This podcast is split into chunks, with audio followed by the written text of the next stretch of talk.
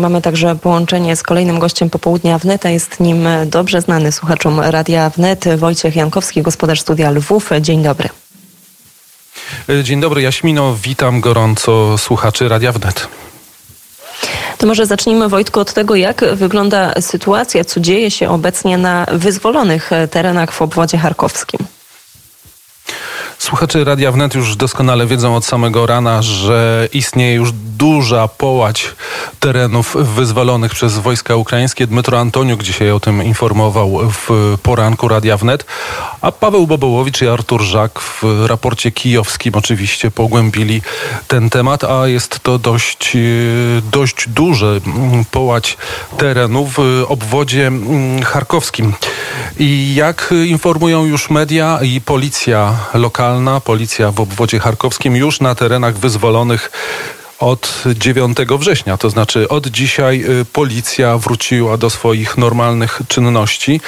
Y, normalne czynności to jest oczywiście mm, chronienie porządku i chronienie y, ludności miejscowej. Tak jest w normalnych warunkach w państwie, w którym panuje pokój, ale my mówimy o terenach wyzwolonych, które przez 6 miesięcy były pod okupacją rosyjską, a więc do czynności policji należy również dokumentowanie, spisywanie w jakikolwiek sposób dowiadywanie się, jakie przestępstwa i odpukać zbrodnie, a możemy się spodziewać tutaj też takich rzeczy, zostały popełnione przez okupantów rosyjskich na tych terenach. Z, taką, z takim apelem e, zwróciła się policja na wyzwolonych obwodach, e, przepraszam, wyzwolonych terenach w obwodzie charkowskim. Do obowiązków również policji jest przyjmowanie zgłoszeń i policja apeluje o zgłoszenia przedmiotów, które mogą stanowić zagrożenie wybuchem i ten opis jest taki dosyć oczywiście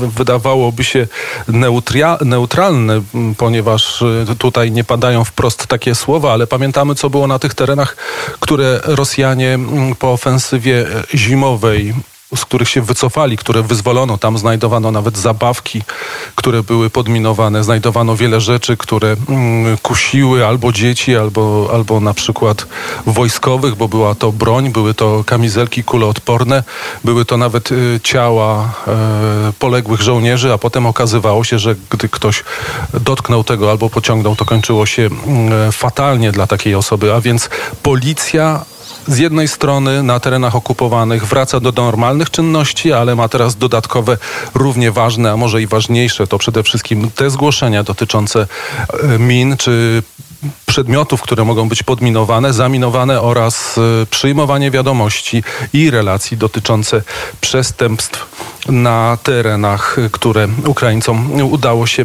wyzwolić. A co ciekawe, ukraińskie media też znalazły informacje o tym, że rosyjskie media ogłosiły to, czy poinformowały o tym raczej, że ogłoszono ewakuację. Ukraińska Prawda powołuje się na TAS i RIA Nowosti, że mm, tam pojawiła się mm, informacja o tym, że tak zwany tak zwany, no bo są to e, władze okupacyjne, a więc de jure nie są to władze. Szef rejonu kupiańskiego, mówimy cały czas o obwodzie e, charkowskim, poinformował o ewakuacji. S, wszystkie siły skoncentrowaliśmy na tym, aby ewakuować ludność miejscową chociaż na 3-4 dni. Tak on napisał. Pisze również o tym, że organizują transport do Ługań, tak zwanej, znowu tak zwanej, bo to wszystko są twory istniejące de jure Ługańskiej Republiki Ludowej. Informacja jest o, o ewakuacji takich miejscowości jak Izum, Kupianka i Wielki y, Burłuk. E, te nazwy nie istnieją z tego, co sprawdziłem w polskim wykazie nazw mm, geograficznych, dlatego podaję oryginalną ukraińską nazwę. Oczywiście pytanie, czy to są faktyczne informacje. Informacje są faktyczne, ale czy rzeczywiście ludność miejscowa będzie chciała się ewakuować. Z tego co wiemy, z tego co widzieliśmy po sześciu miesiącach okupacji rosyjskiej, ludzie są zmęczeni, z płaczem y, witali żołnierzy ukraińskich i podejrzewam, że to nie jest propaganda, podejrzewam, że to są prawdziwe nagrania, karmili żołnierzy. To wszystko Dmytro Antoniuk dzisiaj mm, opowiadał, natomiast wiemy, że propaganda rosyjska lubi wykorzystywać takie momenty i to zawsze dobrze brzmi, że ludność miejscowa chce uciekać, być ewakuowana przed Ukraińcami, a to przecież Ukraińcy wracają na swoje terytorium, to ukraińskie wojsko wyzwala swoje tereny i jest jeszcze druga informacja, moim zdaniem też działająca na tej zasadzie, jak rosyjskie media e, lubią, to znaczy lubią odwracać e, to, co jest, e, dzieje się w rzeczywistości, lubią dawać takie lustrzane odbicie. Kobiety z dziećmi mogą być przyjęte w krasnodarskim kraju. To znaczy, że możemy z tego wyczytać, że to tu wchodzą orkowie, to nazwa którą, jak wiemy, ukraińscy komentatorzy nadają Rosjanom, powołując się na sławną e, powieść Tolkiena, że tu orkowie wchodzą i mogą stanowić niebezpieczeństwo. Natomiast my wiemy, że to raczej na terenach okupowanych takie rzeczy się mm, mogły zdarzyć.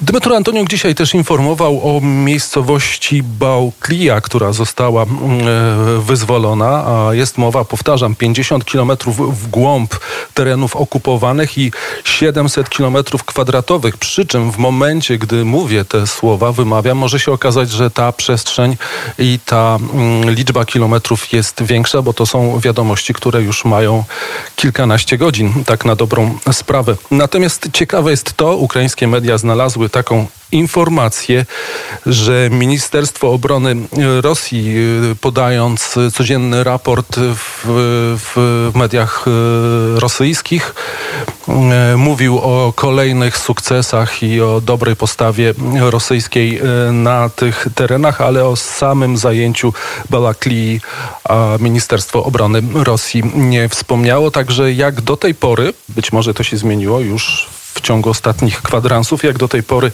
ta informacja nie pojawiła się e, w rosyjskim obiegu informacyjnym. I to by były informacje dotyczące obwodu charkowskiego.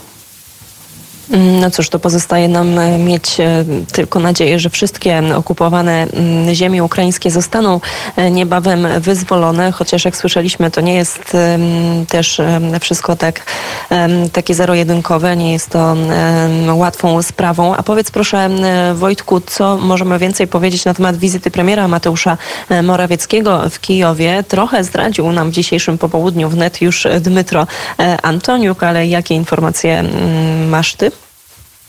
Nie miałem okazji i przyjemności słuchać Dmytra po raz drugi y, w popołudniu, natomiast e, media ukraińskie informują o wypowiedzi Mateusza Morawieckiego w czasie tego spotkania, w czasie e, briefingu, że Polska i Ukraina pada tutaj takie niekonkretne słowo dogadali się, czy raczej umówili się, należałoby to e, przetłumaczyć, co do powstania hubu naprawy sprzętu wojskowego, oczywiście ukraińskiego sprzętu wojskowego e, działającego po polskiej stronie. Jak rozumiem, i to będzie kolejny etap czy kolejne ważne wydarzenie w polskiej pomocy dla walczącej Ukrainy. Myślę, że jeszcze z tej wizyty, z tego spotkania prezydentów Polski Polski, Ukrainy i Łotwy jeszcze będziemy mieli jakieś kolejne informacje. A proszę na zakończenie powiedz Wojtku, jak wygląda sytuacja w Lwowie? No tutaj na szczęście już boję się zapeszać, ale ja nie pamiętam, kiedy ostatnio słyszałem alarm y, przeciwrakietowy. Często mówię przeciwlotniczy, no bo jesteśmy przyzwyczajeni do takiej formy, ale ktoś mi niedawno zwrócił uwagę, że one właściwie nie są przeciwlotniczymi, więc alarm bez względu na to, jaki przymiotnik e, przy nim postawimy. A poza tym zaczyna się taka pogoda, której w Lwowie bardzo nie lubię, czyli deszczowa, jesienna, chmury są nisko, e, niebo jest ciemne i ciężko się skupić i chce się spać. Trochę jak ty często w prognozie pogody mówisz o tym, jaki będziemy mieli dzień, co ja, na co ja zawsze reaguję z, z, z, z nutką kry, krytyki, no to właśnie taki dzień mamy mamy e, dzisiaj w Lwowie, czyli jak brzmi ta formuła, ja już zapomniałem. To chyba, że barometr niekorzystnie może wpłynąć Tak, na nasz tak, nastrój. tak. Natomiast Tak, tak. chyba tak. Natomiast my na pewno wysyłamy dużo uśmiechu i dużo dobrych myśli dla wszystkich mieszkańców Lwowa, okolic, a także całej mm, Ukrainy i bardzo serdecznie e, Ciebie Wojtku pozdrawiamy. Wojciech Jankowski, gospodarz studia Lwów, był gościem popołudnia wnet. Dziękuję. Na zakończenie jeszcze powiem, że jutro jest y, program wschodni prowadzony z Lwowa. Może mniej będzie analityki, może mniej naszpikowane informacjami, ale będą dwie, moim zdaniem, e, ciekawe rozmowy e, z terenów e, Ukrainy. Jedna Pawła Bobołowicza, druga Wojciecha Jankowskiego, czyli powrót do Drohobycza. Gorąco zapraszam do słuchania. Na pewno warto. Punktualnie o godzinie 11, o ile niczego nie mylę. Plus serwis informacyjny, więc y, kilka godzin po godzinie 10, 11 to czasu y, ukraińskiego, a w Polsce 10 po 10. W Polsce 10, kilka minut po godzinie 10 program wschodni.